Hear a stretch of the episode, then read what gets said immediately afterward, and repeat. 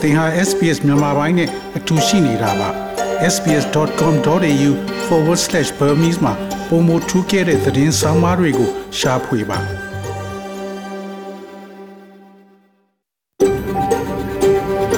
SBS A world of difference You're with SBS Burmese on mobile, online and on radio mobile online နဲ့ radio ပေါ်မှာသင်ဟာ SPS မြန်မာပိုင်းနဲ့အ တူရှိနေတာဖြစ်ပါတယ်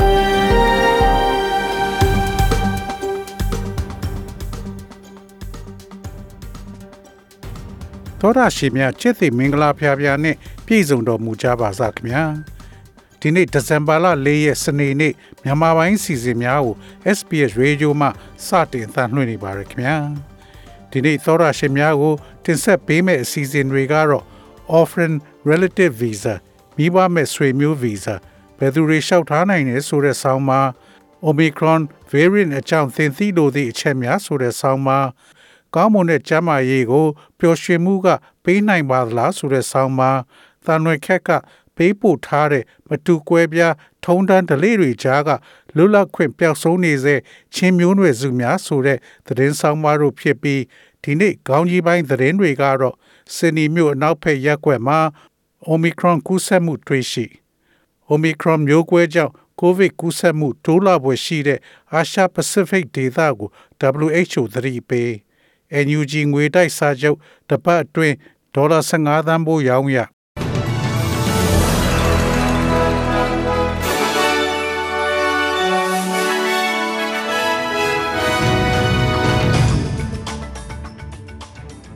ယခုချိန်ကစပြီးသတင်းများကိုကျွန်တော်ကြော်ထုတ်အောင်ကစတင်ဖတ်ကြားပါတော့မယ်။ စင်ဒီမျိုးအနောက်ဘက်ရက်ကွက်မှာ Omicron ကူးစက်မှုတွေ့ရှိ New South Wales အာဏာပိုင်များသည်စင်ဒီမျိုးနောက်ဘက်ပိုင်းက Regents Park Christian School တွင် ပေါ်ပေါက်လာသော Omicron မျိုးကွဲစုကိုဗစ်ကူးစက်မှုရဲ့အရေးအမြစ်ကိုခြေရာခံနိုင်ရန်အပြင်းထန်လှုံ့ဆော်နေပါတယ်။ယနေ့တွင် COVID-19 ကူးစက်ခံရသူအသစ် New South Wales မှာ325ဦးရှိပြီး တဦးသေဆုံးကြောင်းပြည်내အစိုးရကသတင်းထုတ်ပြန်ခဲ့ပါတယ်။တစ်ချိန်တည်းမှာပဲ Victoria မှာကူးစက်မှုအသစ်1365မှုနဲ့ virus ကြောင့်သေဆုံးမှု9ခုကိုမှတ်တမ်းတင်ခဲ့ပါတယ်။ Victoria ပြည်내သည်အသက်12နှစ်အထက်လူတိုင်းအတွက်ကာကွယ်ဆေးနှလုံးထိုးပေးမှုကို ရောက်ရှိနေပြီဖြစ်ပါတယ်။ Omicron မျိုးကွဲကြောင့် ကိုဗစ်ကူးစက်မှုတိုးလာပွဲရှိတဲ့အာရှပစိဖိတ်ဒေသကို WHO သတိပေးအာရှပစိဖိတ်ဒေသနိုင်ငံတွေအနေနဲ့ Omicron ကိုဗစ်ဗီဇမျိုးကွဲပေါ်ပေါက်လာပြီးတဲ့နောက် COVID-19 ရောဂါကူးစက်မှု ပြန်များလာမဲ့အရေးကို အသင့်ပြင်ဆင်ထားမှာဖြစ်ပြီးသတိပြုစောင့်ကြည့်သွားရမယ်လို့ကမ္ဘာ့ကျန်းမာရေးအဖွဲ့ WHO ကထုတ်ပြန်ပြောဆိုလိုက်ပါတယ်။ COVID-19 ဟာအခုဆိုရင်တစ်ကမ္ဘာလုံးမှာပြန့်နှံ့နေပြီဖြစ်ပြီးအနာဂတ်မှာကူးစက်မှုတိုးလာတာကို တွေးရရင် ကျွန်တော်တို့မအောင်ဩသင့်ပါဘူး။ဆက်ပြီးကူးစက်နေတာနဲ့အမျှ Omicron ပေါ်လာတာမျိုး virus ဟာဆက်ပြီးဗီဇပြောင်းလဲနိုင်တာကြောင့်အထူးသတိပြုဖို့လိုနေတော့မယ်ဆိုတာသတိပေးနေပါတယ်လို့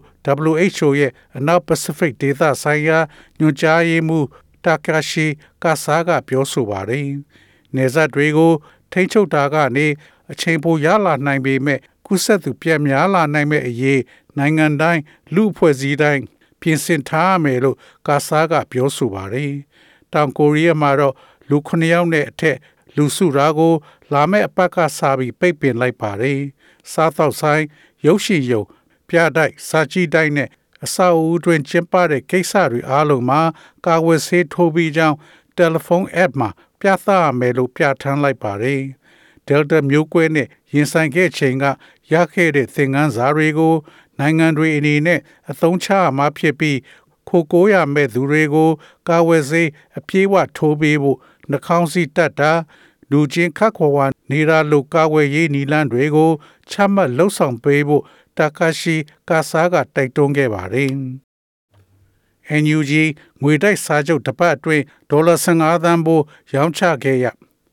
NUG အစိုးရစီမံကိန်းနဲ့ဗန္ဒာရေးဝန်ကြီးဌာနကຫນွေဦးဒေါ်လာရေးရန်ပုံငွေအဖြစ် American Dollar 100 900 1000နဲ့9000တန်အထူးငွေတိုက်စာချုပ်တွေကိုပြီးခဲ့တဲ့ November လ22ရက်နေ့က စတင်ရောင်းချခဲ့ရမှာ November လ28ရက်နေ့အထိတပတ်ကြာကာလအတွင်း American Dollar 15သန်းဘိုးခန့်ရောင်းချခဲ့ရပါတယ်။အဲဒီ15သန်းအနက်12သန်းကို NUG အစိုးရကရရှိပြီးဖြစ်ပေမဲ့စင်ကာပူ RHB ဘဏ်ကိုလွှဲပြောင်းပေးခဲ့တဲ့ကျန်3သန်းကိုတော့အခက်အခဲတချို့ကြောင့်မူလပေးပို့ခဲ့တဲ့ဝယ်ယူသူတွေရဲ့ ဗန်စင်းကိုပြန်လည်လွှဲပြောင်းပေးနေတယ်လို့ NUG စီမံကိန်းနဲ့ဗန်ဒါရေးဝန်ကြီးဌာနက RFA ကိုပြောဆိုပါတယ်။အဲဒီလိုစင်ကာပူ RHB ဘဏ်ကပြန်အမ်းလိုက်တဲ့ငွေတွေကိုတခြားဘဏ်တစ်ခုစီထပ်မံလွှဲပြောင်းပေးဖို့ NUG အစိုးရဗန်ဒါရေးဝန်ကြီးဌာနကကာယကံရှင်ဝယ်ယူသူတွေထံကိုမေတ္တာရက်ခံစာတွေအခုပေးပို့နေပါတယ်။အဲဒီလိုတခြားဘဏ်တစ်ခုကိုထပ်မံလွှဲပြောင်းပေးပို့တဲ့အခါမှာလွှဲပြောင်းက ထပ်မံပေးချေစရာမလိုပဲငွေလက်ခံသူဘက်က chắc ခံရမှာဖြစ်ပါတယ်။ဝယ်ယူသူတွေအနေနဲ့မူလစင်ကာပူဘဏ်ကပြန်လည်ရရှိတဲ့ငွေပမာဏအတိုင်းပဲပေးချင်ရလို့တယ်။ငွေတိုက်စာချုပ်တွေကို NUG အစိုးရကထုတ်ပေးပို့တဲ့အခါမူလစာချုပ်တန်ဖိုးအတိုင်းထုတ်ပေးမှဖြစ်တယ်လို့ပြောဆိုပါတယ်။တောင်ဩစတြေးလျမှာ New South Wales နဲ့ Victoria မှာလူများကိုဝင်ခွင့်ပေးနေစေ။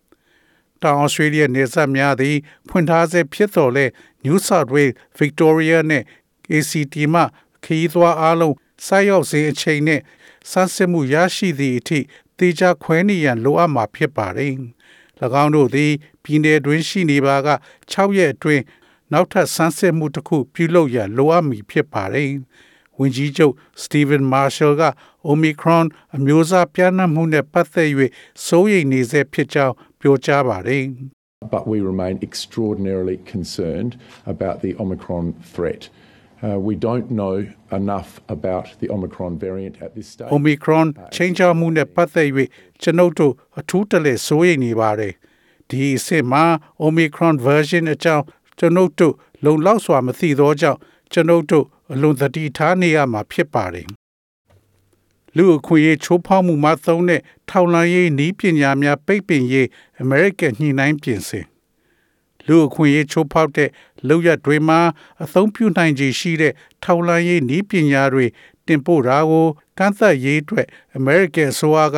မဟာမိတ်တွေနဲ့ညှိနှိုင်းလှုပ်ဆောင်သွားမယ်လို့သမရအိမ်ဖြူတော်အကြီးအကဲတာဝန်ရှိသူတူကကြာသာပတေးနေ့ကပြောဆိုပါတယ်။ ဒီလိုပိတ်ပင်ကန့်သတ်တာမျိုးမြန်မာနိုင်ငံကအာဏာသိမ်းစစ်ကောင်စီပေါ်ချမှတ်ထားပြီးဖြစ်သလိုဝီဂါမွတ်စလင်တွေကိုဖိနှိပ်တာမှာတရုတ်အနေနဲ့ American ဒီပညာတွေကို အသုံးမပြုဖို့လှုံ့ဆော်ထားပြီးဖြစ်တယ်လို့အဲ့ဒီတာဝန်ရှိသူကပြောဆိုပါတယ်။ဒီဇင်ဘာလ9ရက်နေ့ဆယ်ရက်နေ့တွေမှာကျင်းပမဲ့ဒီမိုကရေစီထိပ်သီးအစည်းအဝေးမှာတင်ပို့ကုန်ထိန်းချုပ်ရေးနဲ့ လူအခွင့်အရေးအစည်းအဝေးဆိုတာကို သမရဂျိုးဘိုင်ဒန်ကကြီးညာမယ်လို့တာဝန်ရှိသူတွေကပြောပါတယ်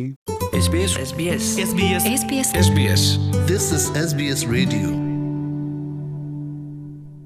ငွေလဲနှုန်းမှာတော့ Australian dollar ကိုမြန်မာကျပ်ငွေ1246ကျပ်ရရှိပြီး American dollar ကိုမြန်မာကျပ်ငွေ1983ကျပ်ရရှိပါတယ်။ Australian dollar ဟာ American 80 cent နဲ့ညီမျှပါတယ်။ မနေ့ဖြန်မြို့ကြီးများရဲ့မိုးလေဝသခံမှန်းချက်ကတော့ဆစ်ဒနီမြို့မှာအပူချိန်21 degree centigrade ရှိမှဖြစ်ပြီးမိုးရွာသွန်းနိုင်မှာဖြစ်ပါတယ်။ Melbourne မြို့မှာအပူချိန်16 degree centigrade ရှိမှဖြစ်ပြီးနေ့လယ်ပိုင်းမှာမိုးရွာသွန်းနိုင်ပါတယ်။ Brisbane မြို့မှာ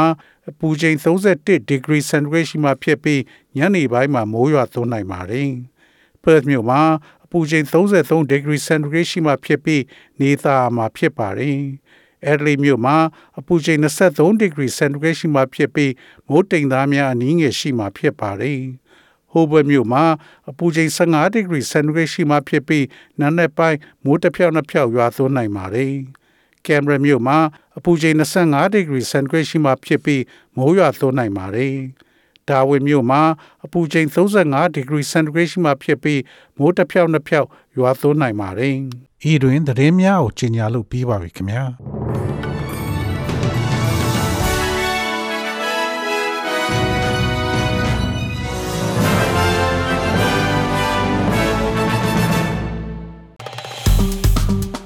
SPS မြန်မာပိုင်းကို Facebook ပေါ်မှာ like ရှာပြီး like မျှဝေမှတ်ချက်ပေးပါ